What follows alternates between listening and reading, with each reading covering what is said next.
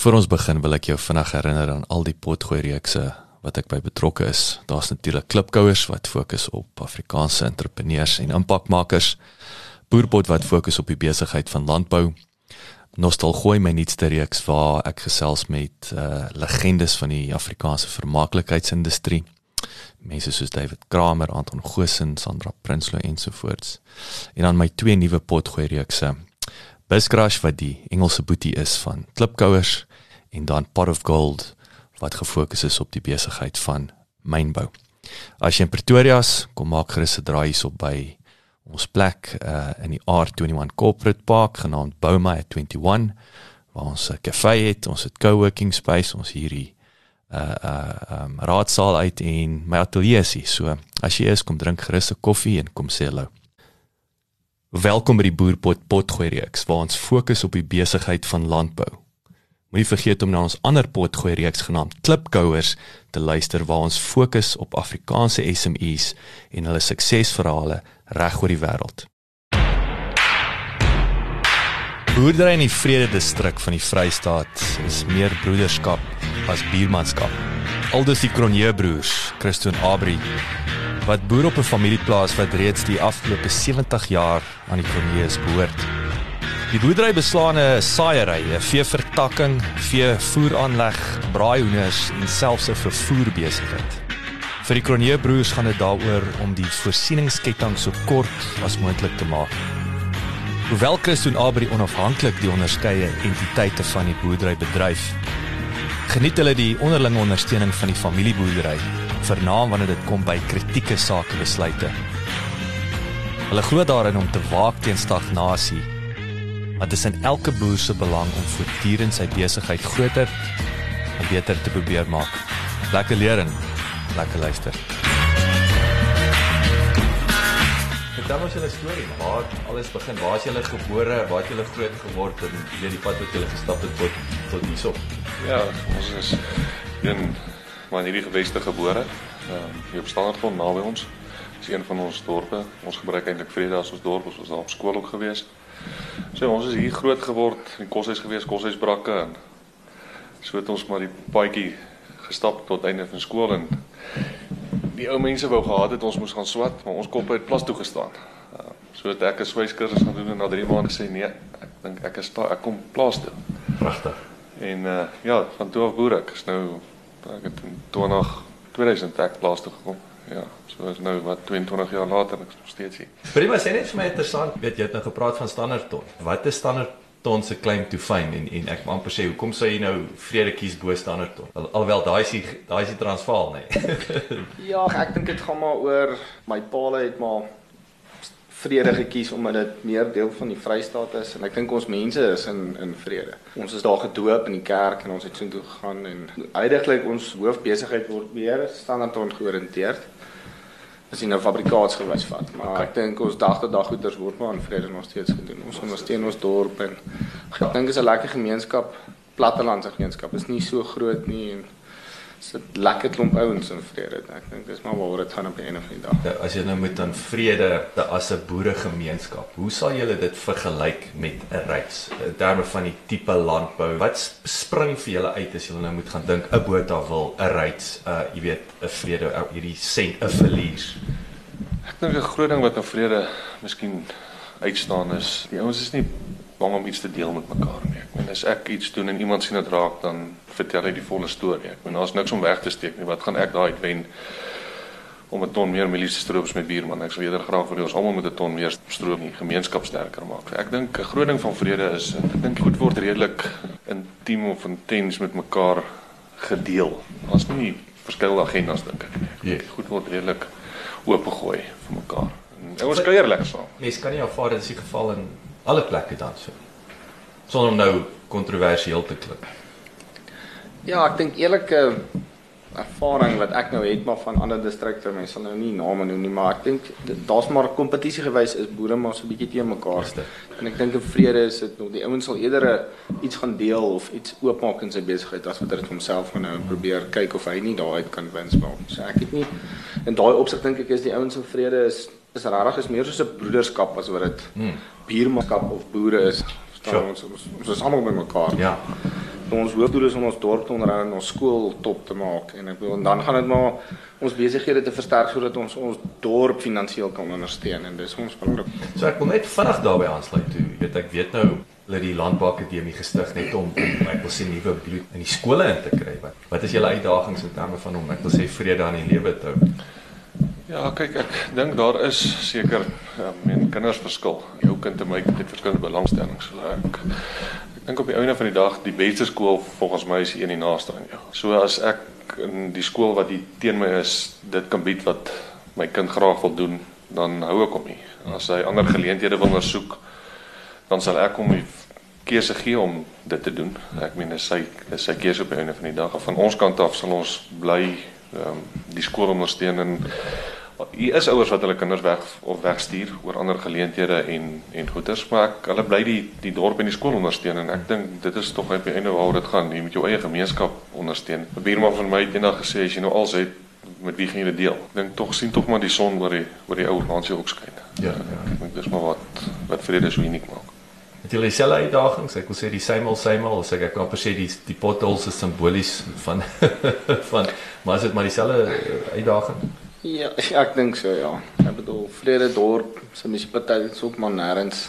Ons het ook maar die hoë probleme, potholes, vuil strate, jou plastiek sakke oor die hele wêreld vol waai. Kyk ons paaie grondpaaie is is in die Vrystaat mos maar eintlik tot niet. Hmm.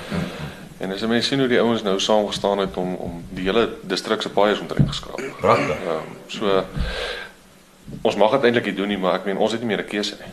Ek meen dis nie 'n wet om om grondpaaie te skraap want as daar siviele eis teen jou kom en jy 'n probleem, maar ek meen jy kan nie, ek meen ons voertuie verniel. Ek wil net sê en, en ek ek verstaan ook van die ouens kontrakteurs wil nie eers trokke instuur. Ja, uh, en goed word uitmekaar uitgeruk. Daar's nou 'n projek geloods ook so 2 weke terug wat daar fonds gestig is wat wat gaan net om om potholes te maak. Ek weet nie hoekom is dit die going ding in die land nou deesdae om baie reg te maak as 'n mens belasting betaal nie, maar nou ja. Double taxation is 'n realiteit dink ek vir ons almal, nee, en dit is ek ek dink mense nou sit julle ouens seker al 2 en 'n half keer taxation, jy wil ek wil ek, wil ek amper sê. Ek dink wat ek die laaste 2 weke reg wat Kirsten nou genoem het van die ouens wat nou saamgeklap het om die paai reg te maak. Ek bedoel dit is duur vir almal. Ek bedoel jou jou kos het op, van jou brandstof het opgegaan. En tog gee die ouens die geld maar uitgaan om die paai reg te maak. En ek dink dit wys die loyaliteit van die ouens in ons omgewing en hoe die ouens dink om die omgewing te beskerm. Ja, ja. Ek dink dis dis wat vrede uniek maak, verstaan? Ek dink wat wat ek sien nie ander dorpe het dit nie, maar dis regtig wat vrede uniek maak. Ouens staan saam, hulle is nie sommer te mekaar. Dit voel seker goed om op jou eie vars geskraapte grondpad te ry net. Ja, ja. Maar ek meen op die einde van die dag dis duurder om onderhoud te doen as om om verbeteringe te doen op op paaie. So ek meen ons het ook nog maar twee jaar terug 'n front end loader, paar tippers, excavator, grader gekoop. Um, ek meen dis nie goed wat ou regtig altyd nodig het in 'n boerdery nie, maar om kontrakteurs in te kry om paaie te onderhou is is, is duur. Uh, nie dat toerusting nie duur is nie, maar ek, ek meen jy kan dit dan vir ander goed ook gebruik. Met 'n uitgebreide reeks van konstruksie toerusting wat wissel van klein graafmasjiene tot reuse geartikuleerde stortwaans is John Deere ideaal toegerus om in die boere se padboubehoeftes te voorsien. Met John Deere se onlangse verkryging van die Weertkin groep met 5 premium handelsmerke wat die padkonstruksie, steengroef en mynbou sektore bedien, voorsien John Deere des meer in die groeiende behoefte van die infrastruktuurontwikkeling en verbetering wêreldwyd. Belangriker nog, elke deel van John Deere se konstruksietoerusting word ondersteun en gediens deur hoogs opgeleide en gesertifiseerde tegnisië wat op hul beurt ondersteun word deur 'n uitgebreide netwerk van onderdele verspreidingssentrums. Dit volgens Christo is die vernaamste rede hoekom konstruksie sulke geweldige groei toon in die landbousektor. Dink konstruksie was seker maar is ons nog altyd. Ek meen as jy mense vat uh, Bell, dan was nog is jare al in die land. Caterpillar is jare in die land. Komatsu, genoem hulle maar op. Dis almal maar daar. Ek dink wat van die landbou se kant af wat konstruksie miskien in die landbou so bietjie meer begin laat groei het is omdat die ondersteuningsnetwerke in ons dorpe is. En ons hoef nou nie van 'n Johannesburg af parte te kry nie. Ek meen jy kry nou 'n uh, sou jy John Deere produk of 'n uh, konstruksie masjien koop, kry dit by Snaarton by ons naaste tak en dit maak dit net soveel makliker. Die werkkundiges kan jou diens. Dit is net soveel makliker as wat 'n ou moet uh, met met ander fabrikante sou moes werk. Uh, ek dink om om dit nou teen jou is, dink ek wel John Deere te gaping in die mark raak gesien. Alhoewel konstruksie eintlik maar vir mynbou en vir daai tipe van goed is.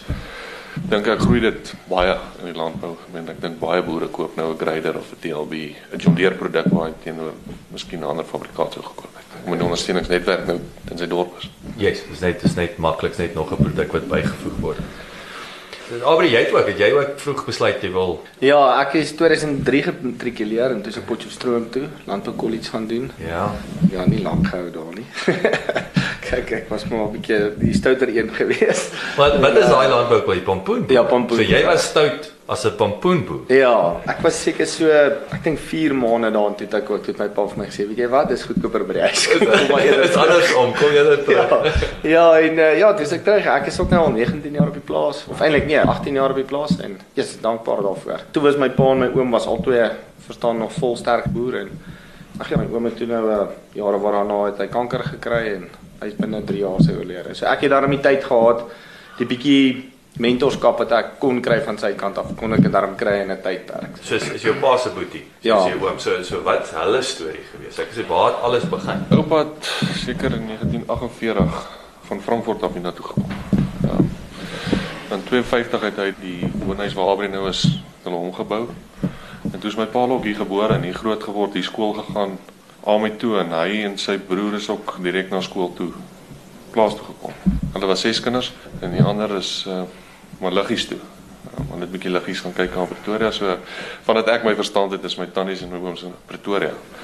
Ehm um, so ja, hulle het hier begin en toe die besigheid uitgebrei van van Emerentia wat die woonplaas is na die besigheid wat ons toe kon oorneem so 6 6 jaar terug. Um, ja. Die oom so 'n bietjie vroeër, hy is in 2010 oorlede, my pa in 2016. Wat is daai daai dinamiek? Want met verstaan dat jy twee boeties het wat die fondasies lê en twee boeties wat wat oorneem, nê. Nee. En ek glo dit is as jy terugdink wat het uitgestaan van julle pa en julle oom en selfs nou met julle julle dinamiek. Jy weet ek wil 'n bietjie vashak daarso. Hoe, werk julle en so? Ja, ons het 'n nuwe gehad wat saam met ons ge, geboor het tot in Desember. Ehm um, goed te gaan ek. Ons het nie probleme nie, ons is nie kwaad nie. Ons is nie kwaad van mekaar uit mekaar uit nie. Hy het net gevoel dit is vir hom beter om sy eie ding te begin. Ja, ek ek dink die groot ding wat ons geleer het van ons paas is om elke kind sy sy eie rigting te laat kap. Ek meen as 'n seun baie lief is vir saaiery en die ander een is so bietjie minder probeer om stuur dat die entiteite uitmekaar uit bly. En alhoewel dit een besigheid is, word dit maar baie onafhanklik bestuur. om gespesialiseer te, word. Ja, Moedig dit aan en, en ek wil per se daai eh, nurture. en ek dink dit is maar die die die groot ding van familiebesighede of boerderye is dink nie mense moet op mekaar se besighede begin rondkrap en sê maar hoekom doen jy dit nie so nie? Ek sou dit so gedoen het en eintlik is jy nie die spesialis op daai omgewing. So ek dink om die, om die vryheid te hê vir elkeen om om om sy entiteit te bestuur na die beste van sy vermoë en tog saam die besigheidsbesluite te maak. Ek dink op die einde van die dag moet die besigheid winsgewend wees. En ons probeer ook ons entiteite finansiëel uitmekaar uit te hou, dat die een nie die ander een moet dra nie. So het julle doelbewus hierdie verskillende maatskappye nou en vir, elke Ja. waar het julle daar gekom? Paal het die die, die saai gedeelte en die en die veebedryf gehad en die goed is onafhanklik van mekaar gewees en so het ons maar begin om die, om die maatskappye ook so elke een op sy eie te dryf. Ek dink 'n ou het dan 'n beter idee van hoe dit finansiëel met 'n entiteit gaan. Op 'n stadium was dit vir ons meer lonend om ons veiding te verhuur as om ons eie beeste aan te hou. Alhoewel jy nie die bank het in die bees self nie. Hmm. Maar finansiëel het dit meer, net meer sin gemaak om jou veiding te verhuur as om self die beeste daar te loop. So ons ons kyk maar jaar tot jaar na maar goed, ek sal nie sê mens kap die dinge eerste jaar af nie.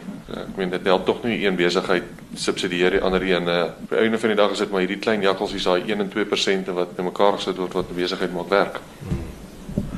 Ja, ek dink wat lekker is is die ondersteuning wat ons mekaar gee. Inklusief wat die die saaiery hanteer. Verstaan sy dag tot dag goeders is daar en alles, maar as daar goedjies is, byvoorbeeld soos fabrikaatsgewys besluite wat ons moet maak of hy doen nou die stroop en hy sien wat se variëteite wen en alles. Hy sal my tog altyd betrek en my sê kom kyk gou hier, dit is dit en dit presteer. Wat sê jy sê wat moet ons doen? Maar op die einde van die dag is dit nie my finale besluit nie want hy doen tog dit. Dis presies dieselfde met my terug na hom toe. Nou ons het besluit die laaste paar jare om van uh, rasse te verander in die beeste en ek bedoel dit het, was 'n goeie besluit. Om, ons het saam moes ons die besluit maak dit was 'n duur besluit, maar ja, dan ek dink nie ek sou dit op my eie sommer net besluit het nie want dit is my lekker om so ondersteun want ek weet altyd dis maar soos wat my pa my pa het altyd gesê as hy 'n besluit gemaak het, vir ons het altyd geweet dit sal werk. Want my pa verstaan hy was nie daai ondersteuningsbasis wat hy gehad Kom het. terugkom na julle wat vrede uniek maak. Sê klankbord met die buurman. Of idees deel. Is dit meer 'n informele proses of het julle kom julle blaatant by mekaar om om, om notas te vergelyk? Ja, ek dink dis baie meer informele goed. Ek ek weet ek sou by 'n ou se familie so baie en vir hom in hom bel en vra hoorie maar wat het jy gedoen? Okay. Uh, en dan sal hy sy praktyk met my deel. Ag daar is boere daar wat 'n ou kultivar keuses en daar's baie vee daar in vrede, maar ek dink nie ek dink dit word meer 'n sosiale geleentheid geskep as inligting. Ek dink inligting word meer oor 'n telefoon of 'n koöperasiegesprek gedeel as in 'n vergadering. En en is en ek wil sê dis vraaggedrewe. Nou gaan jy net kom vir jou vertel nie, maar as jy iets oplet, of sê hy maar wat gaan daaraan dan dis wanneer die manne begin deel. Ja, is maar meer om braaivleisvuur. Dan die ouens praat maar nonsens eintlik en dan op 'n stadium dan hoor jy iemand sê iets en dan gaan vra jy vir hom en dan en dan is die ouens nie dan bang om te deel nie. Dan sal die ou 'n gesprek met jou begin uit lê en vir jou al sy goeders vertel wat hy doen. Hoekom sê jy nie met jou buurman ek wil sê jou trade secrets wil wil deel? Ek weet nie. Ek ken dit nie. Ek kan nie vir daai weet nie. Ek weet regtig nie want ek meen hier was 'n ou van van Heilbron wat by my aangery het. Hy het eendag net hier ingery. My gevra wat doen ek? Ek het hier verbygery en sien die graan is mooi en ek het hom my kultivar proewe toe gevat. Ek vra wie gebruik ek my landboukundige wat is my spuitprogramme. Ek het al met hom gedeel. En uh vir jaar toe vra ek my landboukundige wat sê jou kliënt oor dit wat hy by my gesien het en dit waarmee hy hom nou gehelp het. Toe sê hy die beste besluit wat hy sy lewe gedoen het is om by my in te draai. Wow. Dis alwe so tap op die skouer so so kompliment kry. Ek voel ek het niks om vir myself te hou weg te steek nie. Al my volle bemestingsprogram, spuitprogram, kultivar keuseprogram vir enigiemand gee. Is dit nou byvoorbeeld daai wat jy nou sê jy moes die ou nou bel? Is die maatskappye het hulle nie die gevalle studies amper van kolonie boerdery wat uitdruk na na buite toe nie of bestaan dit nie? Of is dit nou maar net ou kom hier in, hy hy gaan tap nou op die ander 50 boere wat hy nou ken en hy en hy maak aanbeveling, maar hy, hy gee nie vir die hele prentjie. Hy gee hom vir net 'n isolasie. Ek dink elke boerdery verskil tog. Almal doen nie dieselfde nie. Ek meen om om om een besigheid te gaan hou as 'n voorbeeld dink ek gaan baie gevaarlik wees. sien. Ehm, Die appels met appels. Nee, ons ons aptyd vir risiko verskil. Ek dink die ouens doen hulle huiswerk. Ehm um, ek meen ons is self in die inset maatskappy kant. Um, ons het landboukundiges waarby ek geleer het wat jy my leer wat goed by ander boere leer wat aan my toe oorgedra word. Maar ek dink om 'n boerdery te gaan uitsonder en gaan sê die ou doen dit, kom ons doen dit. Dit is baie gevaarlik om dit te doen. Ek wil praat oor oor hoe die besigheid lyk. Gee ons 'n gee ons 'n snapshot van hoe die boerdery lyk en die verskillende besighede. Ja, ons het die saaiery wat dan as Renshaw boerdery bekend staan. Uh met die een entiteit is, die vee afdeling wat dan nou die voerkraal, lamvoerkraal en vleisbeeste insluit wat onder Em- Emmer Renshaw boerdery gaan. En dan die braaikykens wat uh onder Circle C gaan en dan het ons uh vervoer maatskappy so 7, 8 maande terug begin wat onder 3C Logistics gaan. En dan het ons 'n veevoeraanleg wat die voerkraal van uh kos voorsien wat onder uh Triple C veevoer handel. Sjoe. So dis die paar entiteite wat ons in ons oorkoppelende Kronee groep bestuur en bedryf.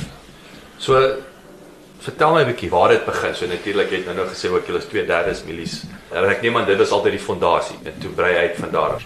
Dit was altyd kommersiële skape, vleisbeeste en en die saaiery gewees. Ek meen my pa, dit was sy en sy broer gewees en toe's ons ewe skielik 3. So toe moet daar nog 'n entiteit geskep word wat toe die braaikyker entiteit is wat ons neef gedoen het. En so het ons ook maar die saaiery sy eie vragmotors gehad wat die graan maar in die winter geskuif het van die van die lande af silos toe hier na ons toe of na die koopnase koöperasie. Ou sien baie goeders doen en ou het gesê dit wat jy produseer moet jy self vervoer ook.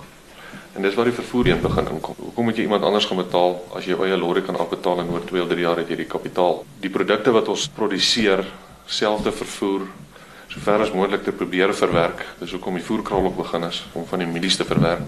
Ek sal graag eendag dit wat ons as graan produseer alles self wil verwerk. Ek meen nou voer ons dit 90% van dit uit word nie eens in die eie land gebruik nie. Ehm, En julle is is maar prysnemers, nê. So dis weer eens hoe hoe kan jy daai daai prys beheer en om om daai milies te verwerk? So hoe sien julle daai volgende stappe? Hoe rol jy so ding strategies uit waar jy begin Ek wil is dit so eenvoudig soos is mieliepap. Hoe lyk daai verwerking? Ek dink ook nie dis so eenvoudig soos mieliepap, dit ook maar sy uitdagings, maar in die voerkraalbedryf het ons 'n maand tot maand of 'n week tot week prys. Daar's al, altyd 'n vervoer differensiaal op mielies wat ek nie meer het nie. Daar's 'n aftrekking wat ek nie meer het nie. Ek meen en dan kan 'n ou daai som gemaak en sê hoorie, maar kom ons sit nog 'n 100 of 'n 200 rand by hierdie prys kan ons skape voer teen daai prys en die besigheid nog steeds winsgewend laat lyk. Ons probeer die geld in-house hou. Ek word gebul vir 'n families wat afgery word Durban toe, maar dit word in my eie besigheid. Ek meen die die die geld probeer ons in-house hou. Waar trek jy daai lyn? Jy het nou nou gepraat van 'n verskillende entiteite en waar jy hom vinnig keel afsny as hy begin sukkel. Wanneer weet jy jy moet die ding los en wanneer raak jy te breed en nie gespesialiseerd genoeg? Is daai leerkurwe baie styl? Moet daar sekere volume wees of ek kan amper sê pas op om te divers te gaan? Weet mense om daai lyne te trek? Die voerkraal omdat ons dit begin het, eerstens is om produkte verwerk en tweedens het ons 'n geleentheid gekry. Ons het vir 'n kettingwinkel vleis geproduseer wat ons op 'n standaard moes handhaaf. Ons het in 2019, einde 2019 het ons begin eintlik met dit. Wat ons nou vir die spesifieke kettingwinkel nou vleis produseer. En dis maar ongelukkig is dit markverwant gekoppel. Van een maand doen jy goed, volgende maand doen jy baie swak. En dan is dit maar daai die norm van 'n sekere aantal maande wat ons 'n grafiek moet trek en sê ons het gelyk gebreek of ons het R100 gemaak of ons het R200 verloor. Toe Covid slaan toe word ek dink meeste van ons mense se kele afgesny wat finansies aanbetref want baie het in 'n mate hulle werk verloor of hulle werksituasie het net verklein. Mm -hmm. En dit het gemaak dat die verbruiker nie meer baie vleis aankoop nie. In 'n in 'n mate het dit half gestabiliseer want die die restaurant het nie meer vleis gekoop nie, maar die huisvrou het begin vleis koop en die ouens moes braai by die huis want hulle kon nie meer gaan uit eet nie. So maar dit was maar 'n moeilike situasie geweest. En ek bedoel toe slaan die oorlog ons en toe gaan mieliepryse op, dieselpryse styg. Of dit was eers 'n droogte geweest in die landbou waarvan skaap ek dink die seerste gekry het van al die identiteit in die landboubedryf. En toe sit COVID, toe is daar in die COVID tydperk 'n tekort aan landers, verstaan? So dit het alsit 'n helse impak op die voerafdeling by ons. En soos ek dit reg sê, die voerkraal maak baie uit, maar sy kurwe was op af. Nou daar's maande wat ons dink ag sit ons in die kantoor en sê ek vir Marie kan nie meer nie. Nou ek is nou daar wat ons moet stop. Ja, ons maak net eenvoudig nie geld nie. En dan net so, dan draai die verbruikersmark en dan bring die slagprys dan begin jy weer geld maak.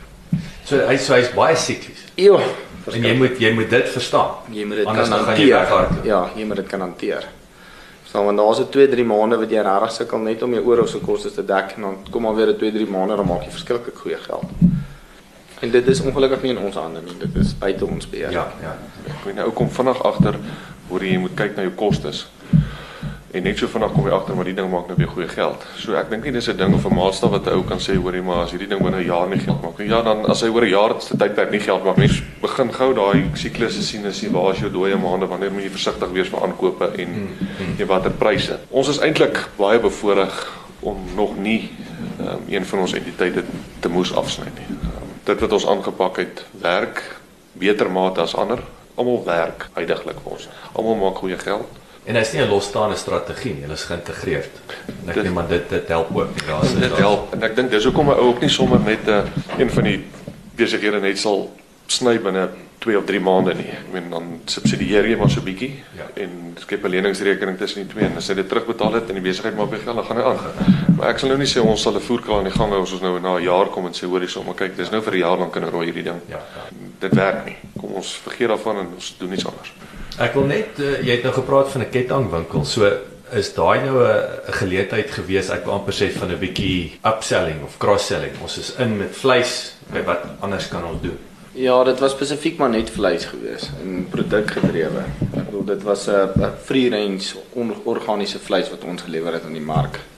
Ons vir 'n kettingwinkel geproduseer het. Die produk self word eenvoudig te duur verbruiker om aan te koop. En ek dink dit was die beperkende faktor vir ons om besluit te maak om te sê, hoor, kom ons los dit eerder. Vir die blote feit is as jy 'n organiese free range produk produseer, het jy maar seker goed wat jy moet inboet en sekere risiko's wat jy moet weet wat jy in die gesig staar. Byvoorbeeld in 'n voerkraal is dit maar mortaliteite omdat jy nie antibiotika, roetine antibiotikas kan gebruik nie. Omdat ons dit nie kan gebruik nie en ons het 'n wisselvallige temperatuur in ons klimaat. Verstaan, ons kan vandag sê 20 grade wees, môre kan dit 2 grade wees vir ons. So 18 grade maak dat diere se gesondheid piek en bottom slaan. En dis daai bottom wat ons dan verskriklik risiko het. Ja. Omdat ons nie antibiotika kan gee nie, kan ons nie die diere behandel daarvoor en dan verloor ons redelik baie skaap. Die nismark van free range vleis.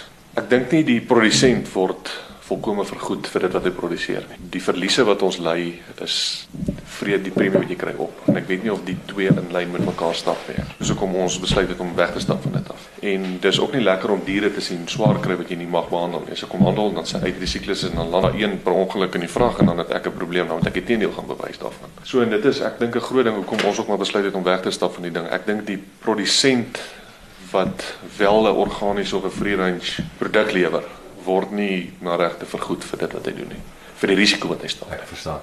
Ja, en ek dink dis nie net in die voedselbedryf nie, ek, ek dink dit gaan reg oor die die die voedselketting. Verstaan net sê dit nou mielies, vrugte, groente, vleis.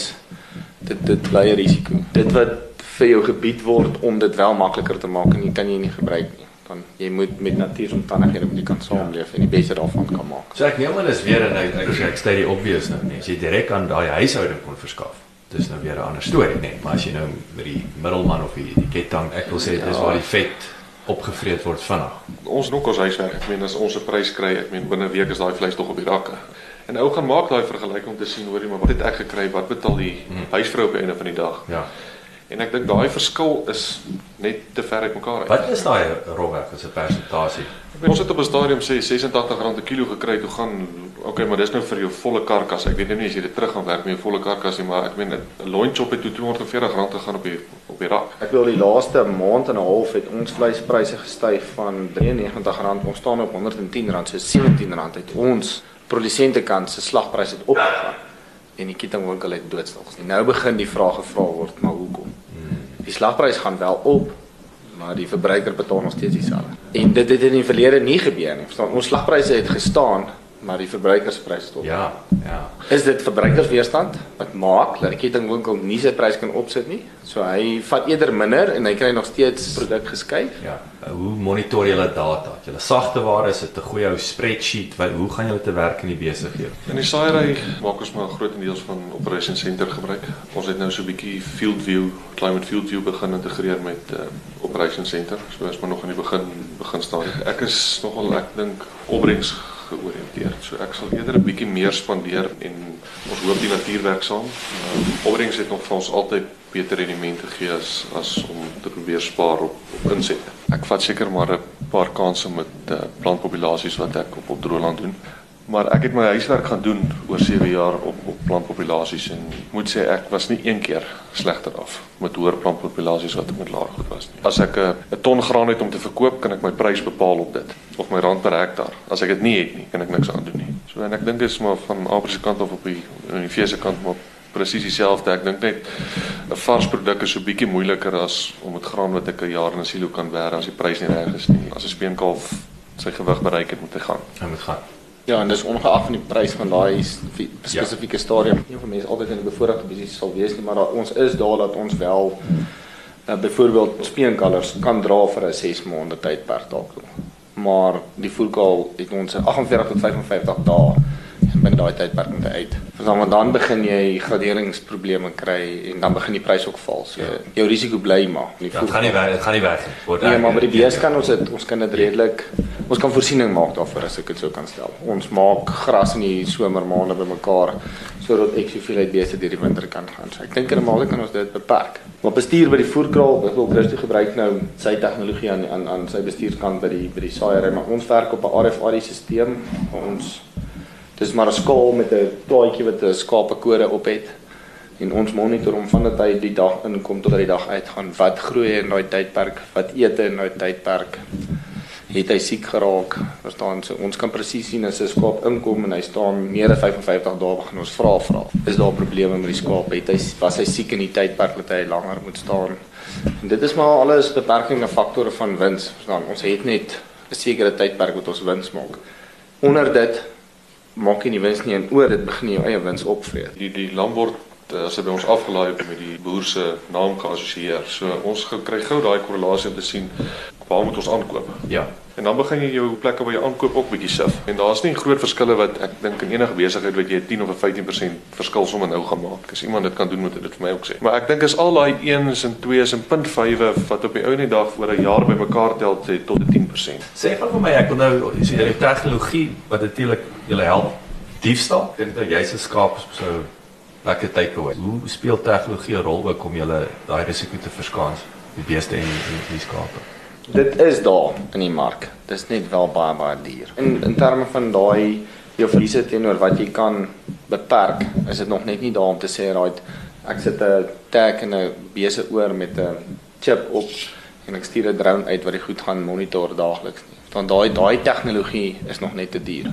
So jy reken hy gaan op 'n plek kom wat hy goedkoop genoeg gaan wees of aan jou verliese te veel raak. Seker dat baie Ja, ek ja, by ons het ons wel kamera moni- monitering opgesit wat wel ons paaie moniteer. So al ons tersiêre paaie wat inkom van jou teerpad af word gemonitor deur 'n moniteringskamer wat 24 uur is daar mense wat kyk daarna. Karre in en uit beweeg word daar nommerplate gedeel met groepe om te kyk is dit 'n rooi kar, is dit 'n groen kar. En ek dink dit het in 'n mate ons diefstal baie beperk. Okay.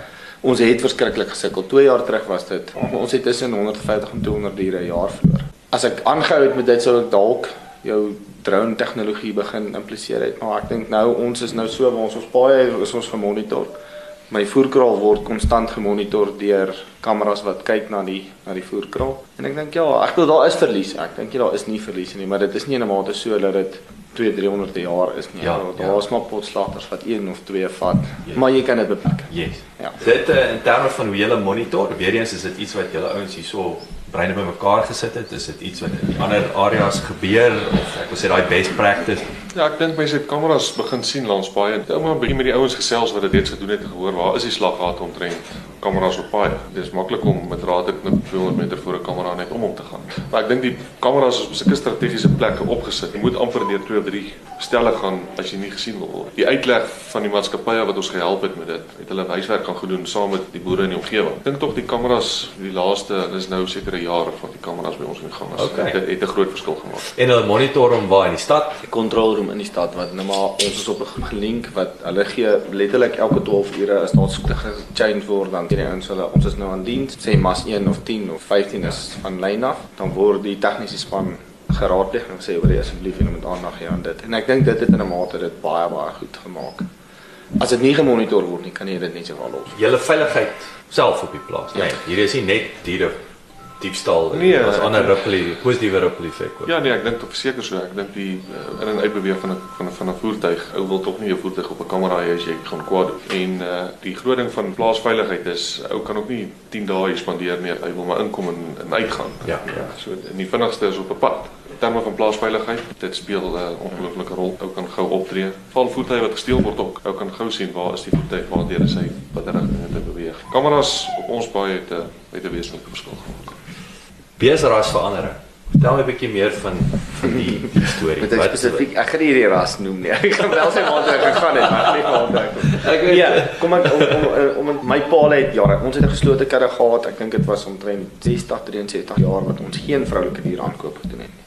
So het wel elke derde jaar 'n uh, bil ingekoop vir nuwe genetika. En ek dink die spesifieke ras waar ons by betrokke geraak het, het net vasgehaak ten opsigte van vordering van beesras. En ek dink nie net dit nie, die teelers wat daarin was, is net daai verouderde boertipe nog gewees, verstaan? Gee die bees lek en dit is maar daar waar dit bly, verstaan? Ongeag of die kalf nou swaar is of nie, hy verkoop ten minste 'n kalf. Maar vir ons het dit begin gaan oor ons wil 'n beesras in die mark insit wat 'n voerkraal wil hê.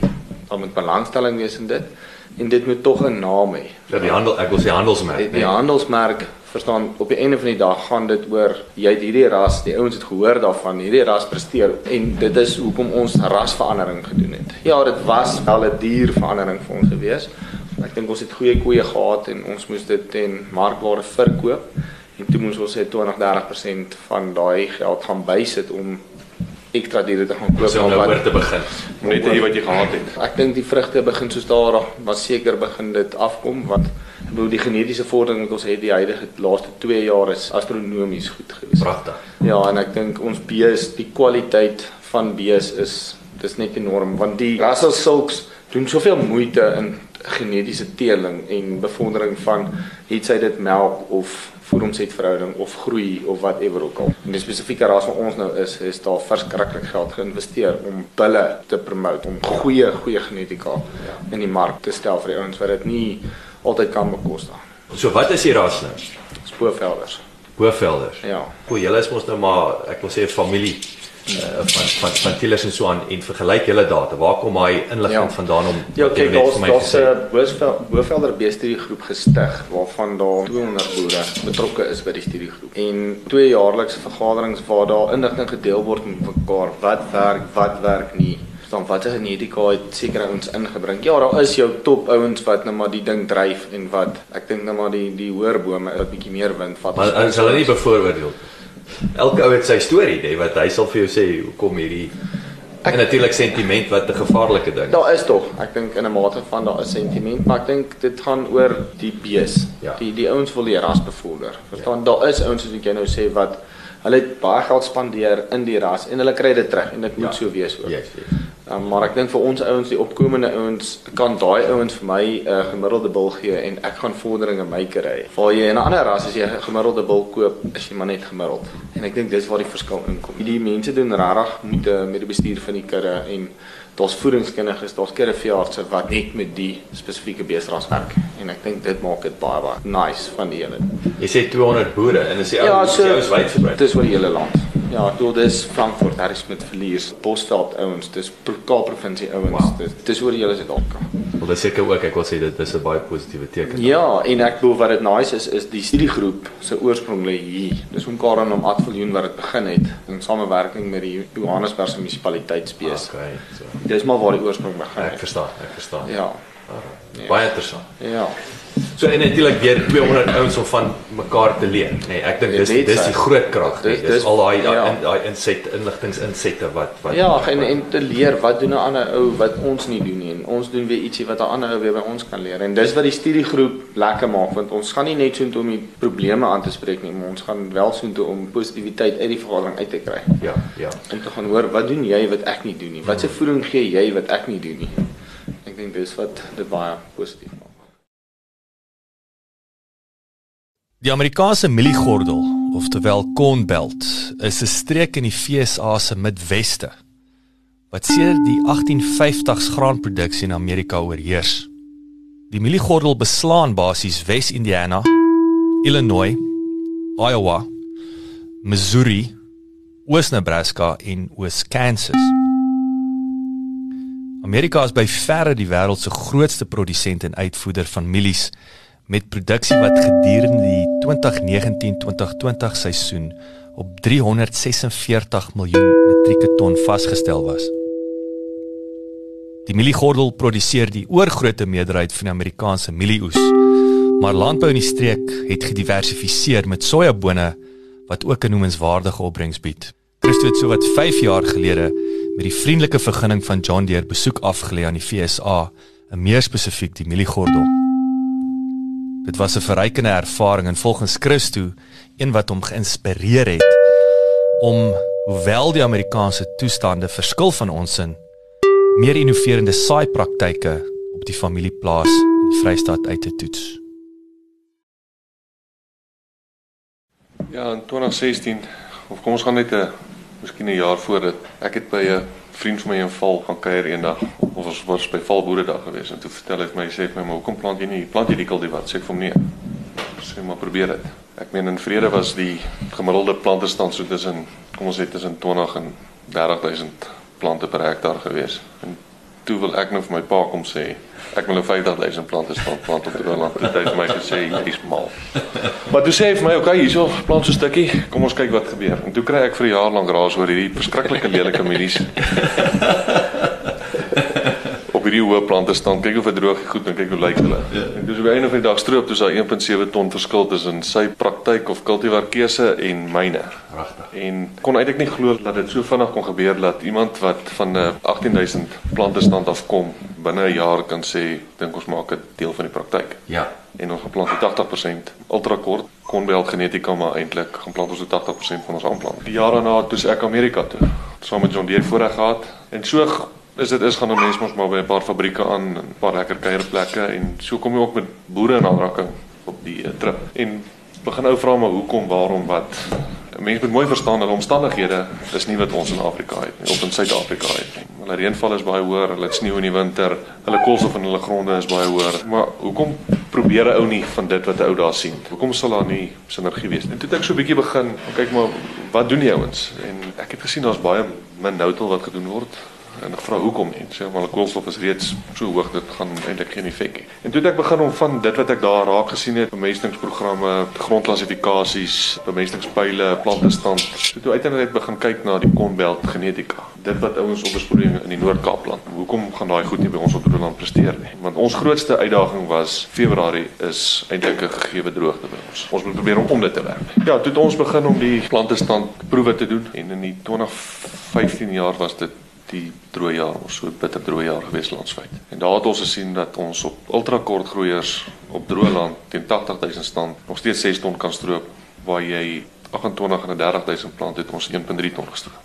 Iets maak sin nie, ons moet gaan kyk hoekom. Ja, ja. En al wat ons toe agterkom het is ons het die Februarie droogte eintlik totaal en al gemis. Um, ons kon nie totale pitvulling kry nie, maar ons het kom sê 80% van die Februarie droogte gemis. Met my pa het altyd vir my gesê, plant so vroeg as moontlik. As dit begin Oktober nat is, dan plant jy. Ongeag hoe hoe die temperature buite lyk en as jou saadbed reg is, jou grond is nat, dan plant jy. En uh verjaar is eintlik die weer een van die perfekte voorbeelde hier by my. Ons het die 3de Oktober begin plant na ons eerste reëns. Um, ons probeer altyd ons voorbereiding voor die tyd klaar doen. By 20 September moet die voorbereiding op die lande klaar gedoen wees. Ons doen glad nie saadbed voorbereiding implant uit nie. So ons doen dit als na strooptyd tot en met middel September. Bemesting word gedoen, voorbereiding van die lande word gedoen, al daai goed moet klaar kom. Van daai tyd af werk ek aan my planters en dan hier by die 25ste September dan staan als 'n lyn nie gereed om te plant. En vanjaar was ons gelukkig geweest om 'n 30 mm te kry in September, dan die 18de Oktober toe is my planters terug by die huis. En toe is weer een van daai gevalle vanjaar.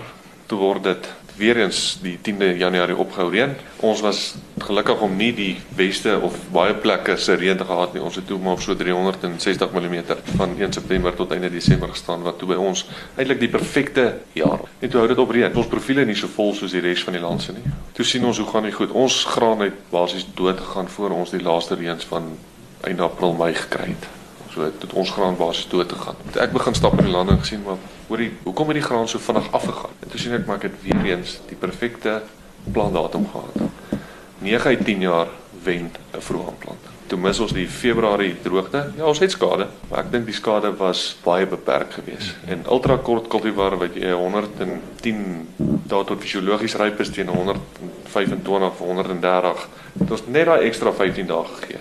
So ek dink ja, Amerikaners in die Cornbelt plant tussen sê 80 en 110 000 plante staan. Ek en my landboukundige wil twee of drie blokke identifiseer waar ons presies dit wat hulle in die Cornbelt doen, toets en gaan kyk wat gebeur, hoe groot is die risiko? Want ek en hy praat baie en hy sê hy het al baie sy vingers gebrand met meer met te laag as te hoog. En ek bly dit sien. Ek probeer self in een van die masjiene sit om te stroop om te sien wat in die lande aangaan dit wat ou doen werk dit werk dit nie en elke keer as jy na daai lae potensiaal gronde ingaan by die bemesting aangeplaar aangepas die plante staan te laag aangepas het is dit nie 'n teleurstelling nie maar jy sien wat kan die hoër potensiaal doen en was dit nie te laag nie moet 'n mens nie bietjie hoër gaan nie. En so leer ons maar by mekaar nou so ons skuif dit maar elke jaar so bietjie hoër hoër hoër hoër. Ons wou eers nie hoër as 50000 plant nie. Ons is nou al 50 is ons minimum plante stand op Droeland en dis van 18 af Dis van 18 af so ons is nou al op op op op dele op op op, op regtig waar ou nou sien op die grondklassifikasies waar jou waterhou vermoë en goeders genoeg is op 80000 met 'n bemesting van 250 301 op by kolle. So ja, ek dink rand af kunsmis per hektaar, sade per hektaar het nie regtig meer geword nie. Ons het die risiko gaan skuif. Van waar 'n ou risiko sê gehad het van 60000 as jy nou al hierdie putte moes bymekaar gooi. 60000 as 'n mens nou 'n flat rate sou plant, 60000 stand sou gehad het, het ons dit goed gaan skuif na 50 of 45 toe, na 80 toe. Ons gebruik presies dieselfde hoeveelheid saad, dink ons het net die risiko gaan skuif. Wat was baie interessant is, ja, ons het eintlik verskille gaan skep met hoër bemestings en plantestand en als. En wat baie interessant is vir jaar, ons opbrengs op die stroper monitors is baie meer egalig. En ons moet daar nog agter die kap van die byl kom. Verstaan eintlik nie hoekom het dit gebeur nie. Ons het dan verskille gaan skep en nou kry ons dit nie. Jy het voor gesê se ses kultivars. Ja, ons het ek het altyd cultivar proewe geplan en geplant ou 30 cultivars en dan moet 'n ou 6 van die 30 gaan kies ou dan nou uit wat jy dan nou in die seisoen wat kom gaan plant. En vanjaar het ons op al die op 50% van die grond wat ons geklassifiseer het, het ons 6 cultivars gaan identifiseer. Twee cultivars per planter geplant. Ons het varierende stand op fosfaat, kalium en stikstof gaan doen en op die plante stand. So ons sal nou mooi kan sien na die seisoen as ons nou die stroopdata op bemesting sit, watter cultivar op watter grondtipe teen watter stand geplant word. So dit was eintlik die poging hoekom als half by ons so half lyk of dit bane geplant is. Dis als verskillende cultivars want ons wil gaan identifiseer watter cultivar op watter grondtipe teen watter stand geplant. En dan dink ek gaan 'n ou die cultivar tot sy reg laat kom. Sekere cultivars hou van ligter gronde, sekere is hou weer 'n bietjie van swaarder gronde. So en ek en ek dink dit wat ons gedoen het, ek meen 'n ou sien tog die een cultivar doen hier beter ligter gronde doen hy daar beter. So ou ou sien die verskille. Ja. Ons nou maar na die na die seisoen nie goed op mekaar sit en kyk wat. Ek wou nou geëindig het te gesê wat sien jy uit na die res van die jaar, maar ek ek lei af vir die resultate. Dis die data. Dis dis dit en en en 'n cultivar keuse, 'n ou stroop nou dan dink jy maar hier's 4 500 kg verskil. Die twee is eintlik so naby aan mekaar, maar ek meen 500 kg teen huidige graanpryse is R2000 per hektaar. Jy kan nie meer daai fout maak nie. Ja. En dit is wat ek net nou gesê het van die 1 en 2%. Ek meen net deur 'n cultivar keuse op grondtipes kan jy klaar R2000 per hektaar Ongelooflik. jouself wen. Ja. Ag ek sien uit na 'n positiewe jaar. Ek wil met veranderings wat tot sy eie reg gaan kom op die plaas. En ek dink dis maar die groot ding. Besluite wat ons neem wat ons wel sien wat gaan werk. Ek dink dit is maar waarvoor ons leef op die huidige oomblik. Byvoorbeeld Chris wat variëteite geplant het met sekere bemestings en wat sien dit kom tot sy reg, verstaan en waar ek weer my veekant sekere besluite met bulteling gedoen het en ek bedoel mense kan sien dit begin regkom. En ek dink dis maar waarvoor ek ook uitsien. Is veranderings wat ons gedoen het wat wel positief vir ons besigheid is. Op pad hiernatoe en ek sê laaste ding wat ek sal sê is is die weet besigheid is so anders soos die regte pret en die plesier sit in die proses. Dan moet jy besigheid hê wat nog oorbly aan die einde van jou proses. maar uh, ek dit klink vir my ek kan net sien hierdie hierdie fees in die proses van toets verander verbeter resultate. Dit is 'n dis 'n wonderlike voorreg. So, Ja, en ek dink 'n ou moet waak teen om te stagneer. Ek praat nie net van ek meen ons het op 'n stadium vir mekaar gesê, is dit is dit nie moeite werd om nog hektare by te koop of nog hektare by te plant. Ja, ek dink dit is in elke boer se se belang om om sy besigheid groter en beter te kry. Maar wat ons in die laaste jaar mekaar gesê het, ek dink ons moet begin ophou kyk na vertikale uitbreiding en meer ag horisontale meer vertikaal uit te brei. Ek dink daar's soveel potensiaal in elke hektaar wat hy het wat nog nie ontgin is nie. En ek dink 'n ou moet eers dit wat hy het ten volle ontgin en dan verder uitbrei. So ja, ou kyk na besproeiing, om water reg in die hande te kry is 'n struikelblok. Ou kom nie deur daai goeters nie. Maar dis hoekom ons kyk na grondgesondheid. Hier was laas jaar was hier van Beier af 'n een van hulle van die genetika met die genetika nie goed te doen het. En toe het hy 'n klein dingetjie vir my gesê wat al eintlik lankal in Suid-Afrika gedoen word. Ek meen die noutal ons plant hierdie cover crops en dan weil dit met die beeste of hulle haal 'n deel uit. En toe vra die spesifiek is 'n ou van Duitsland af. Hy sê vra hy vir my om 'n plant 'n cover crop. So sê ek vir hom nee, ek doen dit nie. Sê hy, uh, maar hoekom nie? Sê ek nee, maar die ouens vreet die goed af. Hy sê maar dis nie cover crop nie, dis double crop. Sê ek maar okay, wat bedoel jy dan met cover crop? Hy sê jy gaan plant as jou vog reg is, gaan plant jy 'n ding soos 'n haver of 'n rog of 'n wat se naam na jou oes en jy laat hom net te 10 of 15 cm uitgroei. Moenie van jou fisiese vog onttrek nie. ja, ja. En dan spuit jy dit dood. Hy sê en hy sal my amper 'n brief gee binne 3 jaar sal ek die vrugte van dig bly. Ons het dit vir jaar begin doen en My toets en kyk. En hy het gesê jy moet die natuur jou laat lei. Ek meen as daar genoeg van grondvolgers soos vir jare gaan doen dit, volgende jaar is dan nie is nie dan vergeet jy dit. So en hy sê ek wel ons het dit al gedoen op sulke kolletjies sandgronde wat waai en goeters dan geplant ons en dan stroop jy daar dan sien jy wel hier het iets gewerk. Maar ou het dit nooit in praktyk gaan doen nie. En toe hy dit laas jaar vir my sê toe maak dit wat hy vir my sê want hy sê jy het nie vreeslike lang groei termyn nodig baie goed nie. Jy het 6 weke, 8 weke nodig dan spuit jy die goed. So ja, ek, ek ons ons toets dit nou so 'n bietjie en kyk hoe gaan dit werk. Ek sien uit daarna. Ek dink dis 'n goeie ding om erosie en windskade goeders te probeer beperk, maar sonder om die nadeel van die opvolgende kontantgewas daar te stel. Christo Abri baie dankie. Ek gesels lekker met julle. Dankie vir julle tyd weer eens. Ek waardeer dit is baie baie interessant baie inspirerend wel gedaan hoor. Ek moet sê dit is dis regtig opwindende besigheid wat julle hierso bestuur en ek hoop reg dit van krag tot krag en ek sien uit om 'n bietjie te hoor. Ek gaan 'n bietjie opvolg. Ek wil hoor wat dit gebeur. Ek is baie nuuskierig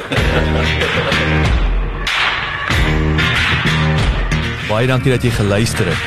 As jy gehou het van die episode, Onthou asseblief om te deel met jou vriende en familie en baie belangrik teken sommer in dat jy op hoogte kan bly van al die nuwe episode. Besoek gerus ons Facebookblad @boerpot.